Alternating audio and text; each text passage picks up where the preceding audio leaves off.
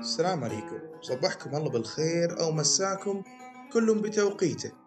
اليوم أبغى أخذكم معي عشان نعرف إحنا ليش نكرر نفس الغلط يعني اليوم بتكلم عن التكرار القهري في البداية المشهد اللي بقوله حاليا هو مشهد من مسلسل ولكن ركز فيه لأنه هو لب الحكاية. رجل رايح يشتري مخدرات في قلب الصحراء مقابل جوال. يرجع الرجل للسيارة.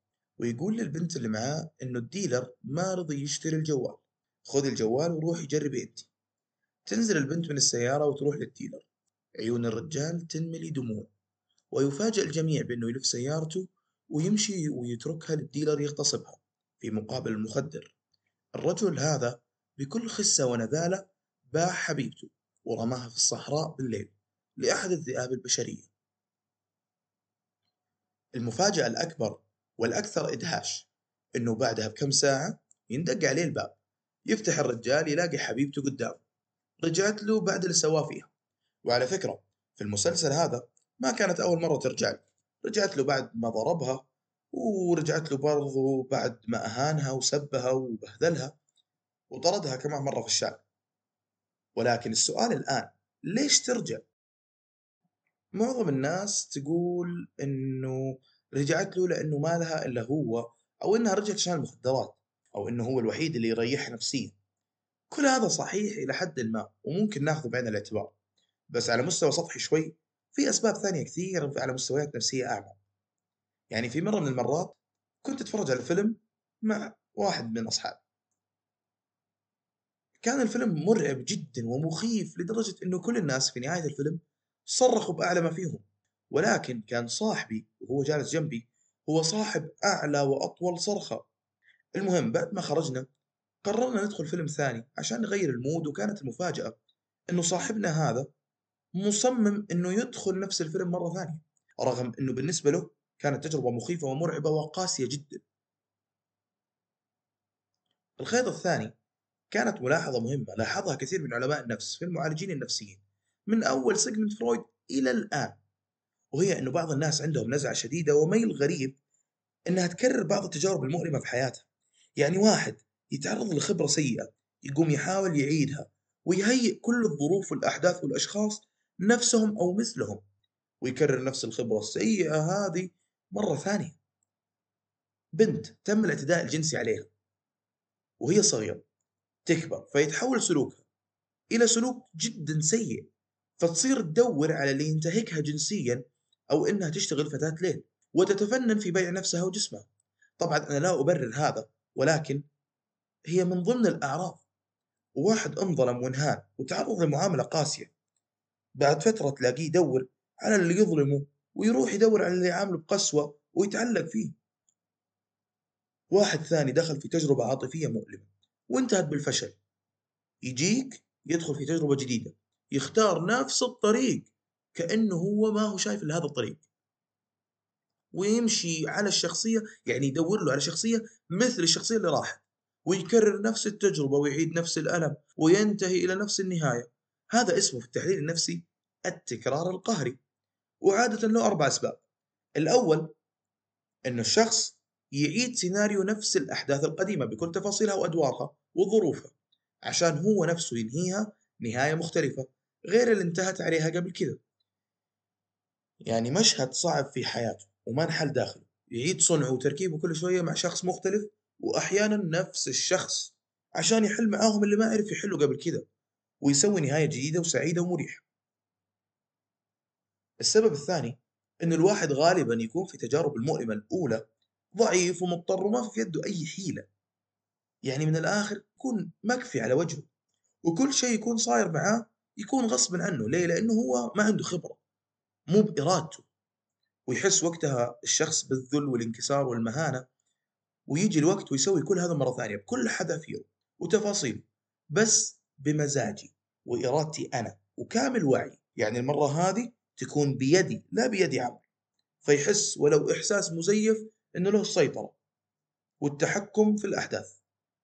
السبب الثالث هو أنه كان الشخص اللي حصل له قبل كذا ضحية كان مستسلم ومغلوب على أمره.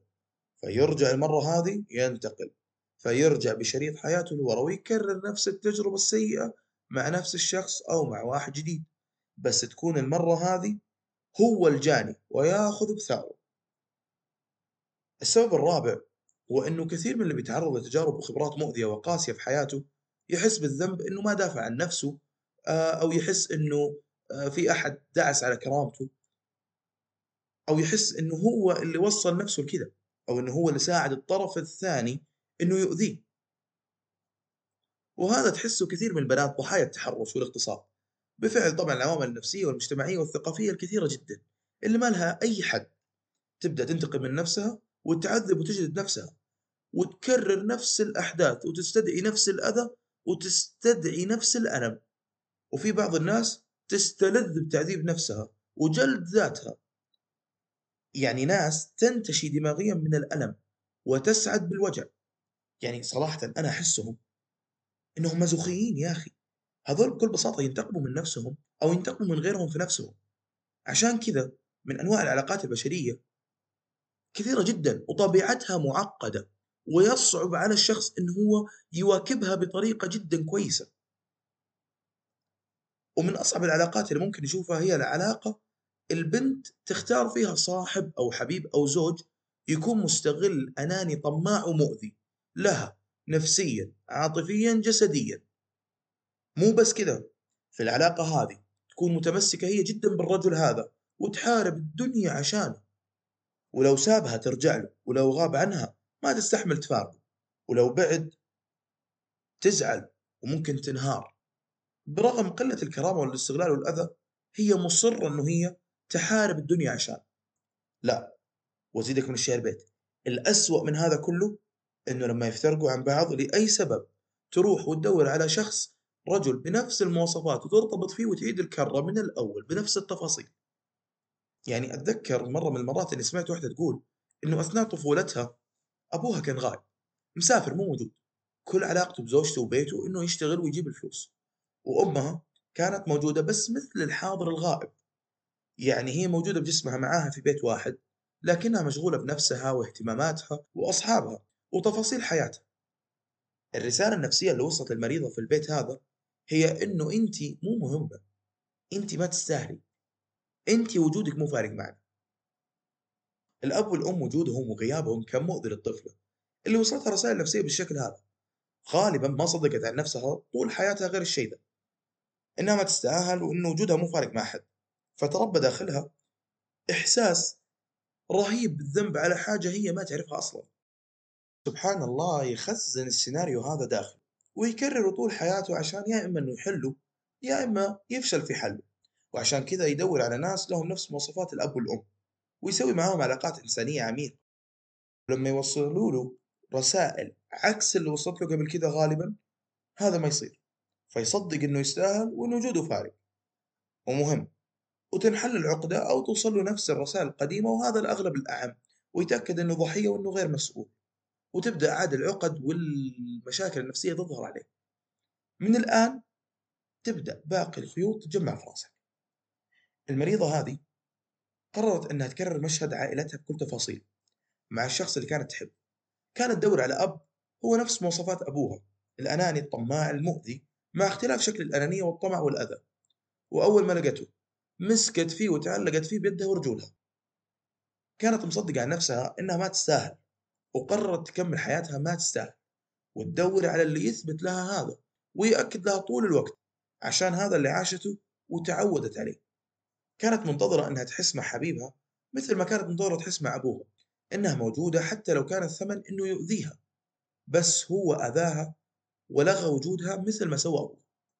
في أعمق أعماقها كان عندها احتمال ضعيف جدا إنها تغيره وتخليه بني آدم من جد لأنها ما تعرف تغير أبوها وتخليه بني آدم بس هذا ما صار ولا بيصير. فانتقمت من أبوها وأمها ومن إهمالهم وأذاهم لها وكانت مصرة على الانتقام بالرغم من كل فرص النجاة. انتقمت منهم في نفسها وتؤذي نفسها بالنيابة عنهم وكانت تنتحر ببطء وتستعذب هذا وتستلذ به. كانت تبغى تثبت لنفسها طول الوقت إنها ضحية مثل ما كانت وهي صغيرة.